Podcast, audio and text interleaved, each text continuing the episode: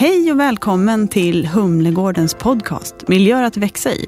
Vi är fastighetsbolaget som fokuserar på kontor i Stockholmsområdet. Och vår ambition är att skapa arbetsmiljöer och stadsmiljöer där man vill vara och dit man vill återkomma. Platser och sammanhang där både människor och verksamheter kan växa. I detta avsnitt ska vi prata om hjärnforskning. Hur reagerar hjärnan på byggda miljöer som hem, kontor, skolor, sjukhus och städer för den delen? Hur påverkas vi psykologiskt och fysiologiskt? Ja, för genomtänkt design och arkitektur det kan hjälpa oss människor att skapa ett mer hälsosamt och hållbart liv. Och här i vår podd idag, för att guida oss i det här jättespännande området, är neurodesignern Isabelle Sjövall, som är en av världens främsta experter på just det här. Och jag som leder samtalet, jag heter Madeleine Kastemik Holt. Varmt välkomna till Miljöer att växa i.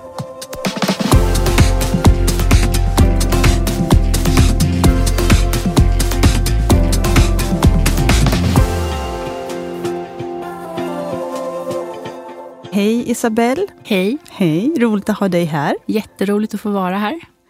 Hur mår du idag? Mår du bra? Eh, ja, men jag tycker det. Det är verkligen eh, ja, men så här härlig, eh, härlig luft ute. Jag är alltid väldigt förtjust i hösten. Ah. Så jag promenerade hit och eh, ja, men tog in alla, eh, alla dofter och eh, den här fär fantastiska färgen på alla löv och så. Underbart. Mm. Underbart. Jag håller med dig. Superfin tid på året alltså. Och det är så jättekul att ha dig här. Och det här ämnet vi ska prata om idag, eh, vet jag redan från början, är superspännande. Och eh, för oss på Humlegården så ligger ju såklart det här ganska nära till hands. Arbets och livsmiljöer, där man trivs och där man vill vara och dit man vill komma tillbaka helt enkelt.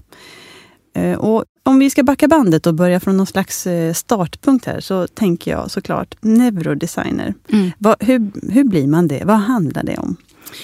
Neurodesign handlar om hur hjärnan reagerar på byggda miljöer och på arkitektur och design. Eh, och hur vi påverkas psykologiskt och fysiologiskt av de miljöer vi befinner oss i. Eh, och hur man blir neurodesigner, eh, det, är, det är en lång historia. Så att för min egen del så började jag i branschen för över 17 år sedan och har börjat då inom fastighetssidan med arkitektur och design och drivit mycket projekt. Och sen eh, allt eftersom, i och med att det är ett väldigt, väldigt nytt tvärvetenskapligt område som är i sin linda, så har jag utbildat mig inom många olika discipliner. Allt ifrån eh, neurovetenskap, psykologi, mental hälsa såklart. Men även eh, inom liksom fastighetsoptimering och eh, ekonomi och sen arkitektur och design.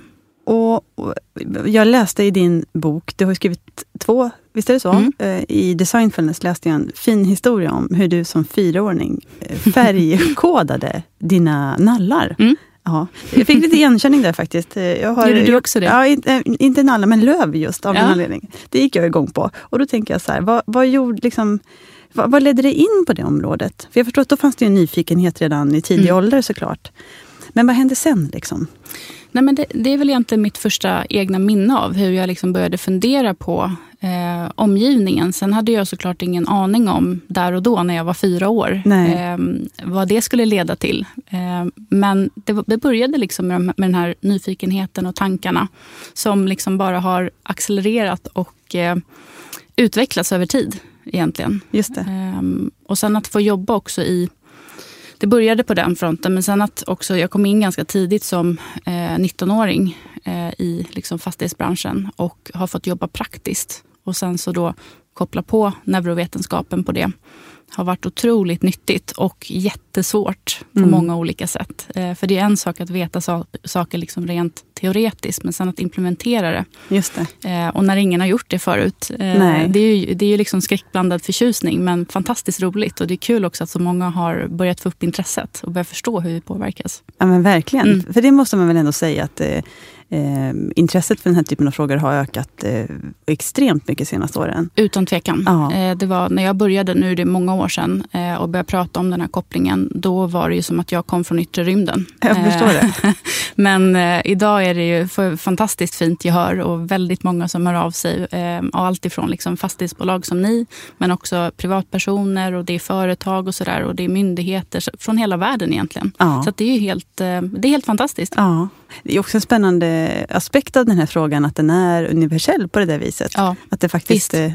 Eh, vi, vi, liksom, vi delar den, den, här, vad ska man säga, hjärnan ser likadan ut oavsett var man är. Det bygger på samma grundprinciper mm. men tillämpas lite olika då, såklart. Ja. Jag, tycker det är väldigt, jag tycker det är en tröstande tanke också för det är så lätt att man hamnar i eh, alla de här olikheterna. Och visst, det finns ju individuella skillnader och sådär. Men jag tycker att eh, det känns mycket bättre att prata om, om de delarna där vi alla är lika och det vi alla behöver. För mm. då kan vi också hjälpas åt när vi sitter i samma båt. Verkligen.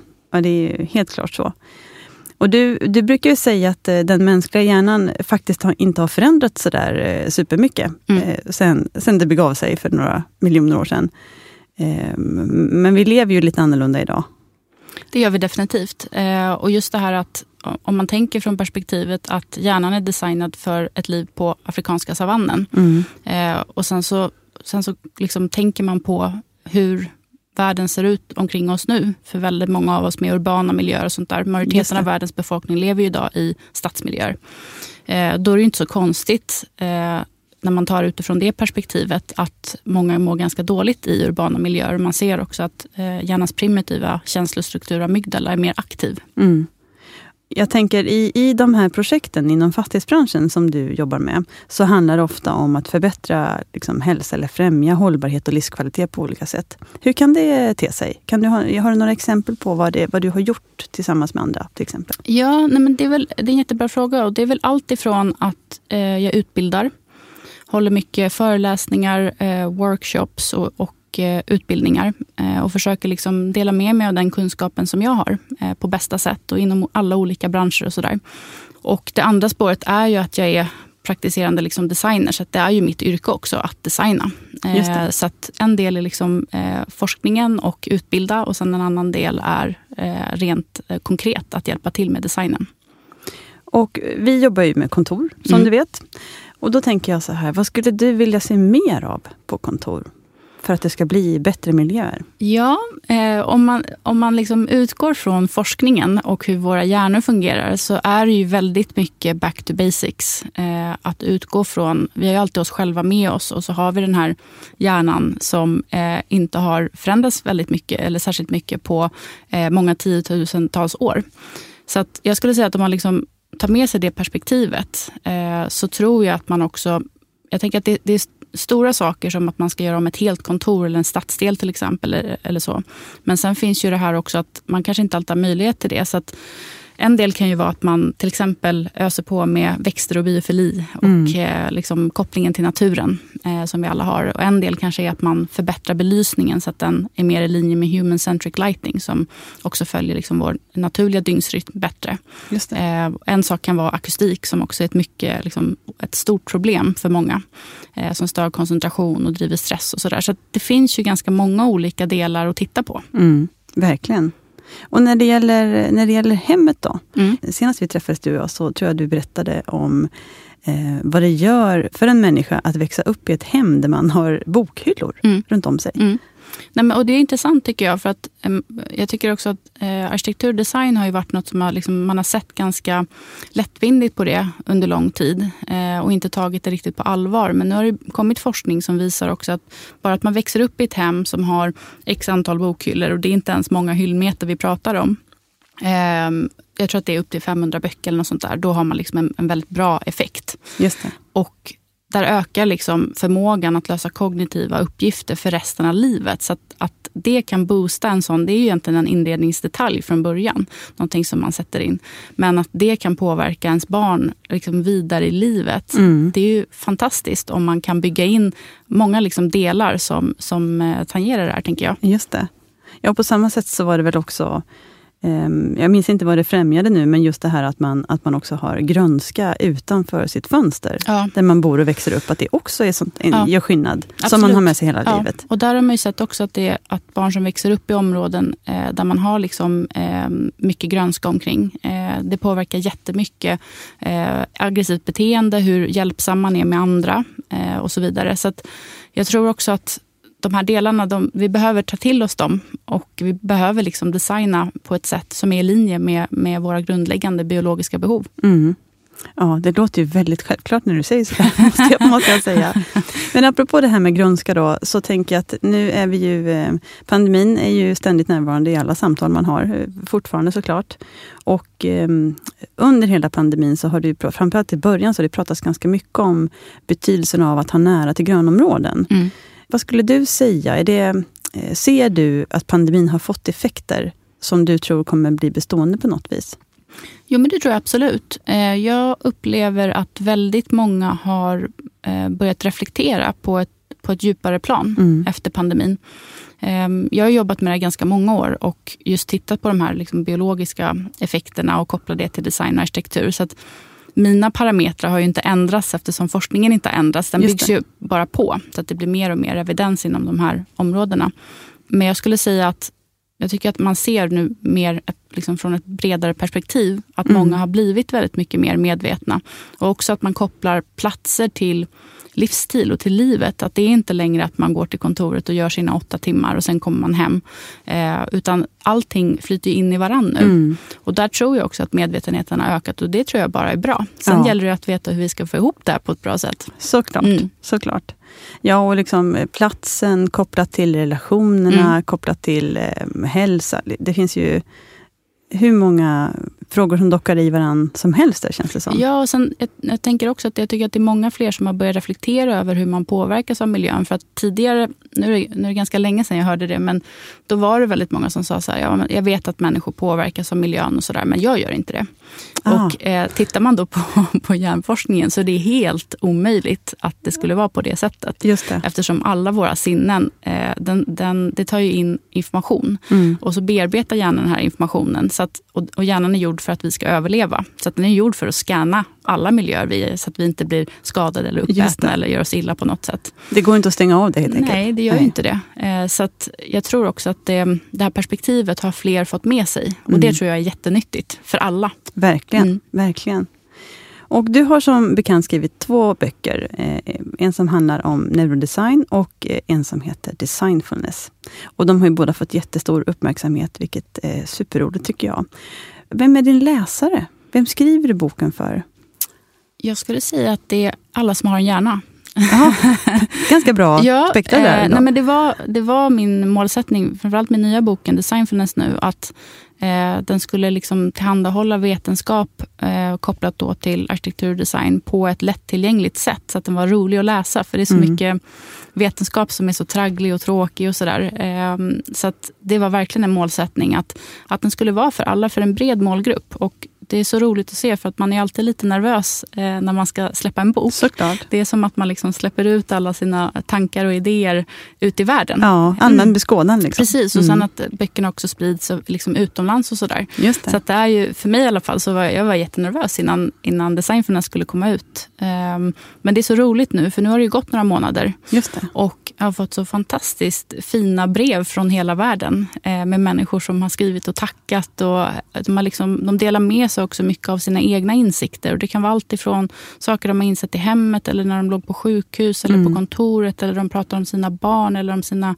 äldre liksom, mor och farföräldrar och så. Så det känns verkligen som att jag har fått bli en del av deras liv och det tycker jag är väldigt fint. Ja, men jag förstår ja. det. Ja, men det, är verkligen en, det är verkligen att se som en handbok på många sätt. Ja, vad kul att du tycker det. Ja, men definitivt. Ja. Och som du säger, roligt med alla de här eh, vad ska man säga, den är uppbyggd så att det finns en massa, varje, varje avsnitt eh, avslutas med ett, ett gäng eh, superkonkreta tips. Mm. Liksom, så att man verkligen kan tillämpa det på en mm. gång.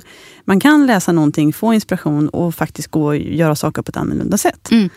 Och det känns ju väldigt härligt. Ja, det var roligt. Det var också det som var tanken. att man, Vi tittar lite på hur människor läser idag. Och Det är ganska ovanligt att man gör som lite förr i tiden, att man läser en bok från perm till perm. Vissa gör det. Förlåt, men det är väldigt roligt att du har gjort en studie om hur man läser böcker. Jag har inte gjort en egen en studie, men jag har gjort lite research ja, på det. ja, precis. Ja. Att, det ligger väl i sakens natur, ja, tänker jag, att ta, ta sig an så. Ja, men absolut. Just att, att titta på det, att också in, våga anpassa sig efter, så att eh, informationen som man vill nå ut med också passar läsarna. Just tänker det. jag. Så att där har vi verkligen tänkt till och jag har fått fantastiskt fin hjälp också från eh, mitt bokförlag såklart och från min redaktör Bengt. Eh, och där har vi liksom tänkt på också att det ska vara en bok. Man kan läsa den från perm till perm om man vill. Om man vill ta in all information i liksom ett block. Men den ska också vara gjord för att, aha, idag vill jag lära mig lite mer om kreativitet. Eller jag, jag känner att jag behöver boosta det. Då kan jag ta upp kapitlet om kreativitet. Eller jag känner att jag har fått eh, inte tillräckligt mycket återhämtning på sista tiden. Jag tar upp kapitlet om återhämtning. Mm, vad kan jag göra? Ja, så den är också tanken är också att man ska kunna ta upp den och också läsa korta stycken eh, och smälta det i sin egen takt. Och Just sen det. såklart så formatet och det här med taktilitet i eh, omslaget och sådär. Och eh, typsnittet är ju såklart av eh, Leonardo da Vincis lärare i matematik, Luca Pacioli. Självklart. Så allting är gyllene snittet också. och sen hur man håller tummarna med, med avstånd också så att man ska hålla skönt ah. i boken och ändå kunna läsa på ett just bra det, sätt. Just det. Varför lämna saker åt slumpen? Nej, jag gillar inte nej, det. Nej. nej, jag förstår det.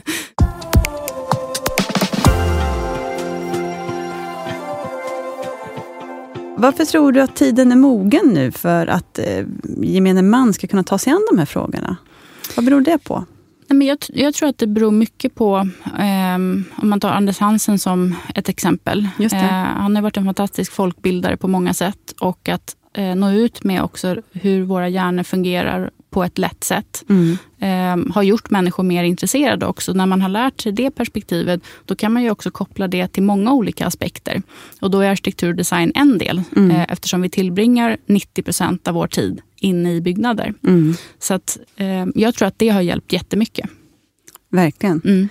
Och när du säger det här med att man är inomhus 90 procent, mm. det, det, sätter ju din, eh, din reflektion kring att man ska njuta av höstlöven i lite annat, ja. lite annat samman, ja. sammanhang. Ja. Verkligen. Och hur ser du på framtiden inom ditt område? då? Vad, vad tror du, eh, vad händer härnäst? Liksom? Mm. Vilka frågor är på uppgång? Och... Ja, eh, jag tror att det kommer hända jättemycket. Och jag vet att, att det finns ju nya eh, labb till exempel i London som jag precis har besökt. Som är världsunika och eh, ja, det är helt otroligt vad de har gjort där. Mm. Och hur man liksom kan mäta också alla de här olika faktorerna. För att problemet har ju varit tidigare att det är ju svårt att mäta människor i sin liksom, naturliga miljö eh, på något sätt. Och eh, om man tittar på de här metoden som är liksom, eh, att man scannar hjärnan till exempel. Det, görs ju, det är liksom en, en stor medicinsk eh, maskin mm. egentligen. Där du, där du tittar på vad som händer och ska det analyseras. Och det kan man inte ta in i en vanlig miljö och scanna någon. Det, det är inte genomförbart. Så att eh, det man har sett nu är att det kommer liksom nya metoder också hur man kan mäta Eh, smartphones är en del där du kan göra såna här, eh, du kan ta, ta liksom undersökningar där och då. Du kan ta bilder och sånt där. Och I kombination med att du mäter i en labbmiljö och kan titta på vilka regioner i hjärnan och hur nätverken samverkar och sådär. Och då får man ju bättre tillförlitlighet också hur man kan mäta det. Eh, för det är alltid det som har varit problemet också med, man pratar allt som har med hjärnan att göra, så är det ju att det är mycket subjektiva mått. Mm. Eh, och nu går man ju mer och mer mot objektiva mått. Det. Eh, och det har ju lite starkare, liksom, om, man ska titta liksom på vetenskapen, så har ju det lite, ja, det blir lite bättre då. Just det, mm. lite, precis, jag förstår. En annan fråga som dyker upp i mitt huvud inför att vi ska träffas, det är också det här med ja, platserna vi omger oss med och var du ser att det finns potential. Jag vet mm. att du inte tycker om att peka ut platser, så det ska jag inte tvinga dig att göra. Men om, om det kan vara så generell, liksom, vart, vart finns det jobb att göra? Liksom? Ja, det var en jättesvår fråga. Ehm, och jag skulle nog säga faktiskt överallt. Mm. Men det handlar ju mycket om, det är såklart en ekonomisk fråga också. Ehm, för det är ju dyrt att göra om saker, så man kan ju inte bara göra om allt som har blivit fel och sådär. Så jag tror att det handlar mycket om att ta tillfället i akt i, i, vid rätt tidpunkt. Mm. Så att eh, om vi pratar om ett kontor till exempel, då är ju det när man, när man vet att man ändå behöver göra om. Eh, samma sak när det gäller sjukhus. Det, det sker ju ett visst slitage. Mm. Och att då i den, liksom vid den tidpunkten, att man då faktiskt vågar titta lite utanför det man alltid har gjort och kanske ta in ny forskning och kunskap, även om det är lite jobbigt. För det är ju det. Ja. Det är mycket lättare att göra det man alltid har gjort. Såklart. Eh, men då får man ju också inget nytt. Nej. Eh, så jag skulle säga att man, liksom, när man ändå står i tagen och ska göra om saker, att man vågar vidga vyerna lite. Ehm, för att det är där vi också kan liksom göra stor skillnad på sikt. Just det. Det blir en gradvis uppgradering, tänker jag. Ja, men det... Både av liksom hem, städer, kontor, sjukhus, ja, skolor. Ja. Absolut. Mm. Jag tänker, hur, hur tas det emot de här tankarna och den här, den här forskningen i mötet med arkitekter till exempel? Jag tror att du har jobbat ganska mycket med ja. olika byråer, va? eller hur? Ja, men det har jag. Mm. Um, nej, men jag skulle säga att det är en stor skillnad på för tio år sedan, mm. eh, när alla trodde att jag kom från yttre rymden. Eh, och, eh, och nu. Eh, för att nu är det ju, jag skulle säga nio av tio fall så är det ju företagen som hör av sig till mig och frågar om jag kan hjälpa dem med olika saker mm. och sådär. De vill lära sig om neurodesign. Och tidigare så var det kanske vice versa och sådär. Just det. Nej, men jag, jag, jag tror att det finns, liksom, det finns många delar som man kan titta på. Och Jag tänker också att eh, jag menar, hållbarhetsbegreppet mm. i allmänhet har ju mm. också breddats lite för de allra flesta i, i vad det omfattar. Och då tänker jag att den, eh, den sociala hållbarheten som någonstans välmåendet och, och de byggda miljöerna någonstans kan hjälpa eller skälpa, mm. har ju blivit lite mer tydligt på många sätt. Ja, men jag tror det också. Det gör mig alltid väldigt glad när jag ser att, eh, att företagen liksom, eh, tänker lite mer holistiskt. För mm. det är mm. det vi behöver. Eh, och det är ju i allra högsta grad kopplat också till ekonomin. Så det Såklart. borde ju verkligen intressera alla, skulle ja. jag säga. Så att jag, jag, tror att det började för några år sedan. Nu är det här med, liksom, man tar miljön till exempel som ett eh, exempel. Det är ju eh, att då börjar man titta på det och hur mycket material emitterar och kemikalier, de här delarna och miljöpåverkan och så vidare. Mm. Eh, men det är bara det att vi, vi, vi, tänkte, ju, eller många tänkte kanske då att ja, men det är vi och så är det naturen. Men vi är ju en del av naturen. Så att saker som inte är bra för naturen är ju inte bra för oss heller. Nej. De här gifterna eller vad det nu än är. Varför man nu skulle ha trott något ja, annat egentligen. Så att, men så att i min värld är det helt rimligt att eh, det är såklart olika sidor av samma mynt. Ja. Eh, och om man bara förstår det, då blir det ju lite lättare också att få ihop kalkylen. Sant. Jag måste ju också be dig om en sån här liten topp tre-lista om vi ska försöka binda ihop det här samtalet. För det är ju som sagt så att man kan ju göra skillnad här och nu mm. redan. Mm. Vad är dina bästa tips till de som lyssnar på den här podden? Vad kan man göra nu eller direkt eller mm. idag? Liksom? Mm. Eh, jag brukar alltid säga att liksom, stora förändringar börjar ju oftast med små förändringar. Eh, så att att börja med de här eh, små sakerna som kanske påverkar ens vardag. Och så där. Man ska inte underskatta dem, för att i slutändan så är det också det som man tar med sig och så ackumuleras det där över tid. Just det. Ehm, så att jag skulle säga att för alla, oavsett om man befinner sig i en hemmamiljö, på ett kontor, i en skola, sjukhus eller vad det nu än är, så skulle jag säga just den här kopplingen till naturen ehm, och det som kallas då för biofili som kommer från Harvard, som är forskningsbaserat. Ehm, att ösa på egentligen med så mycket gröna växter och eh, naturliga material. Mycket taktilitet och sådär som det bara går. Just det. Eh, för det har ju en otroligt, liksom, utöver att det brukar vara ganska estetiskt tilltalande som liksom designdetalj, så har det också en otroligt kraftfull effekt på eh, vårt välmående. Det talar till våra hjärnor. Så det är väl en, det är det första skulle jag säga. Mm. Eh, och sen skulle jag faktiskt eh, säga belysning, att se över den. Och det har ju kommit så mycket nya eh, belysningsarmaturer nu. Så att det behöver inte vara någonting som bara är för kontor eller för allmänna miljöer. Utan eh, man kan titta på, det kallas för human centric lighting. Och det är just det här eh, belysning som följer dygnsrytmen. Eh, för det är också det eh, utifrån vårt ursprung och så. Att man ska försöka anpassa det. Och det är dels med ljusstyrkan men det är också det här med Kelvin-tal och så. Mm, så att man inte har det här vita eller blå ljuset för sent på dagen eftersom det påverkar också eh, utsöndringen av melatonin som vi behöver för att kunna sova på, på kvällen och natten. Så att jag tror belysningen också, se över den, är en jättebra, jättebra grej. Mm. Um, och sen tredje, vad ska jag välja då? då? Um, jag skulle nog säga färgsättningen faktiskt. Mm. I och med att den är så Ehm, den sätter ju hela grunden i en miljö någonstans. Så att jag skulle säga att använda mycket också, återigen det här med naturen. Att ta in dem och kanske inte välja allt för skarpa, inte ta för mycket liksom rött, orange och gult och sådär som kallas för signalfärger. Eftersom det kan trigga också, eh, trigga nervsystemet. Så att jag skulle säga att utgå mycket från back to basics. Eh, alla de här delarna eh, kopplar ju till det hela tiden. Verkligen, mm. det får man lov att säga. Men apropå det med färger, då har jag, jag har en liten följdfråga på just den biten. Mm. Jag menar, om, man, om man är ute efter energi då? För jag tänker, det är ju givet att man vill ha liksom, lugnande, avslappnande miljöer i, i massa olika sammanhang. Mm. Men om man är ute efter energi, om man vill att här ska vi kliva in och känna att Mm. Herregud, hjärnan går på högvarv här. Ja, och det där är intressant. För att när man har gjort undersökningar, då har man ju frågat människor eh, sådär, men vad, vad, känner du att du saknar eller vad behöver du? Sådär. Ja. Och då är det antingen så är det eh, att de är för stressade. att de behöver komma ner i varv. Eller så är det att de behöver mer energi. Mm, just det. och det är lite paradoxalt någonstans också att man befinner sig i de här ytterligheterna. Så ja. det är lite som att man har kört sönder bromsarna. Liksom. Um, men ja, jag skulle säga att det är just de två Eh, de två delarna där. Så att om man tänker att återhämtning är på ena sidan, att vi behöver kunna växla kanske mellan de här olika lägena, då är ju det en del. Men sen om man pratar om energi, ja, då är det ju kanske att ha på begränsade utrymmen, kan man ju ha lite mer färg kanske. Mm. Och just det här mitt, liksom på förmiddagen till exempel, då kan man ju ha också eh, mer belysning eh, och lite mer ljusstyrka. Gärna sätta sig nära ett fönster, gärna gå ut mitt på dagen och sådär. Det är ju sånt som, som eh, har positiv påverkan på energi. Just det. Mm. Som man ju vet, fast man inte gör. Varför är det så? Nej, men jag skulle säga att vi är liksom vanedjur, så att ja. vi är så inkörda i våra mönster. Men jag tror att vi ändå har en väldigt bra möjlighet nu efter eh, pandemin att göra om det, eftersom vi har blivit ja, så omruskade.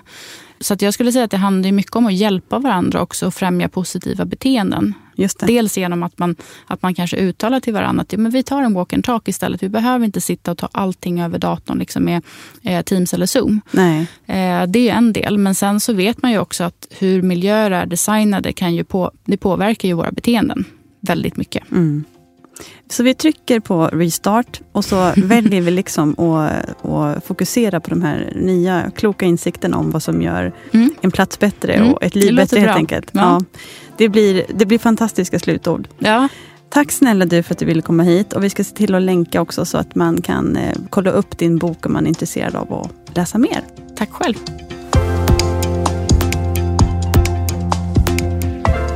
Ja, det finns mycket att hämta inom forskningen, helt klart. Och jag hoppas att du som har lyssnat har fått massor med inspiration. Isabelle brukar säga att vi kan alla bidra och tillsammans kan vi faktiskt förändra världen till det bättre. Tack för den här gången.